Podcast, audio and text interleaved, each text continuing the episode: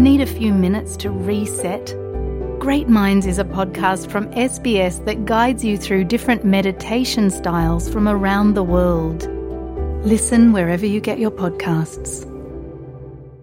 This is SBS Audio. SBS acknowledges the traditional custodians of country and their connections and continuous care for the skies, lands, and waterways across Australia.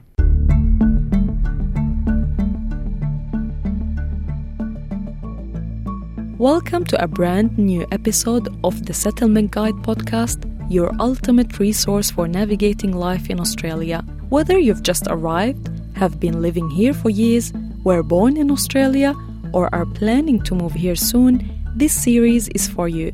I'm Maram Smail, your host, and in today's episode, we delve into the importance of cross cultural friendships and their many benefits. Yeah, we're quite happy about international students' experience. However, the biggest regret is that we made no local friends. While it's natural to gravitate towards individuals who share similar cultural backgrounds as recent migrants or international students, imagine the possibilities that await when we dare to expand our social horizons. These connections can enrich our perspectives and foster a deeper sense of belonging in a new country. So, when you limit yourself just to your cultural background, you potentially limit and exclude some of the most meaningful relationships that you potentially could develop. So, is your friend circle limited to people from your cultural background? The migration experience can be lonely, so seeking comfort and companionship from familiar people is natural. However, stepping outside our cultural bubble exposes us to different points of view and strengthens our sense of empathy. Cross cultural friendships also highlight our commonalities, says friendship and migration expert Dr. Harriet Westcott. When people who have migrated come to Australia, they would certainly very often connect over the experiences of migration. There are different forms of migration, so the reasons why people have migrated might be different, and people's migration passage can be quite varied. So, asking people about their experiences can be useful, but it can also be traumatic, so it might be something that you want to be sensitive about in friendship.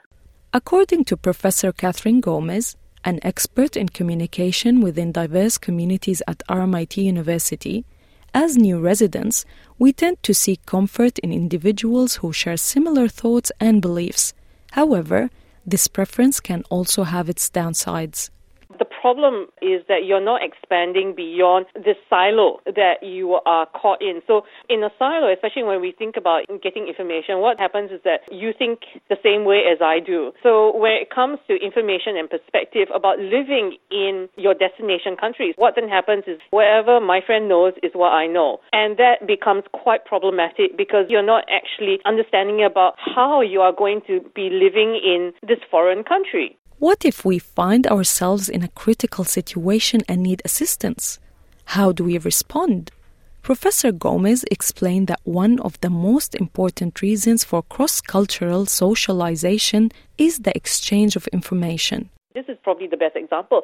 Whenever you ask someone, what's the number to call for an emergency, many people on instinct will tell you whatever number that they are familiar with.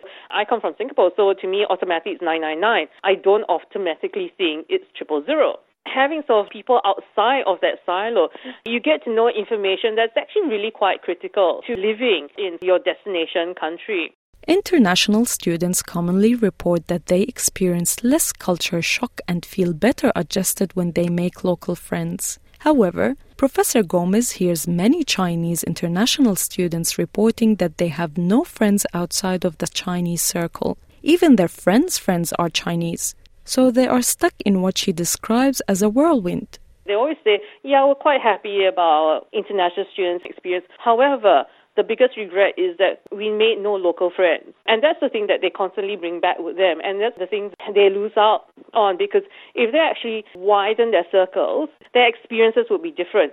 But to be fair to a lot of migrants, especially temporary migrants, it's actually really hard for them to make local friends. Locals, too, should recognize newly arrived individuals' struggles and the importance of being welcoming being friendly and giving people the benefit of the doubt can go a long way to forming friendships. Dr. Westcott again. Because friendship's a voluntary relation where we might be wanting to make friends with people, but they might not want to be friends with us. That's not necessarily about us. It's just about the fact that their lives are busy. So if we just maintain that open spirit and treat it like a journey, we will meet people who are interested eventually. People born and raised in Australia can exist in a cultural bubble too. Former Russian international student Max Tekachenko observed this harsh reality when he arrived. In the formative years, they form their own relationships, and it's really hard to undo. So, when you hear some international students or migrants commenting on that it's a bit hard for them to break into those social circles, I understand those challenges. I've been through them. But I must say that commenting on someone's self imposed limitations is a very poor excuse for limiting yourself.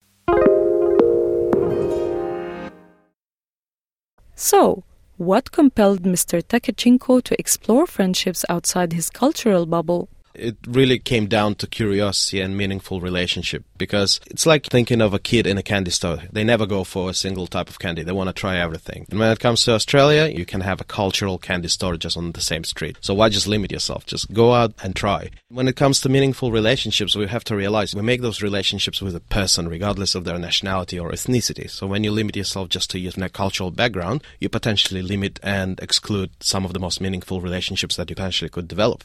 Friendships outside our national, cultural, or ethnic circles show us different ways to experience a sense of belonging, says Professor Gomes.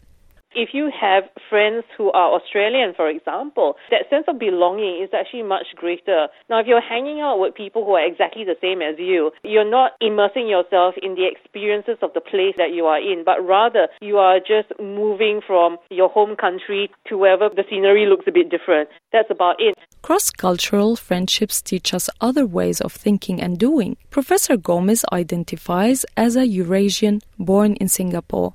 On arriving in Australia, she found the most value in connecting with people different to her. I actually went out to talk to anyone. It's important to get to know the people that you are going to be close to. If you're a migrant, you're getting to know people who are different to you, who are going to be your next door neighbors, who are going to be the people that you are lining up for groceries. Then you get to know different kinds of perspectives. You also get to know the place better. So it's not just about keeping within the community that you feel safe. It's actually going out in order to understand the wider community that you have now become part of. When it comes to bursting that cultural bubble, people talk about fear and how difficult this process can be, says Mr. Tekachenko. It's like what you fear is the things you're going to miss out on the other side of the fear. Have you ever seen a kid learning to walk? It's one of the most difficult skills that we ever learn, but we never see a toddler give up. They try and try and try, and then they walk and they run. So I say just push through the fear and get to the fun stuff. You just gotta get out there, crack a joke, break the ice, and very soon it won't matter whether the person is Australian born or they came here. We're all Aussies, you know, so just get out there, chuck a shrimp on a barbie, crack the beer open, have fun. Don't let fear fear get in the way of forming beneficial and possibly long lasting friendships. Thank you for listening to this episode of The Settlement Guide, written and produced by Melissa Compagnoni, hosted by me, Maram Smail. The Settlement Guide managing editor is Rosa Germian. Until next time.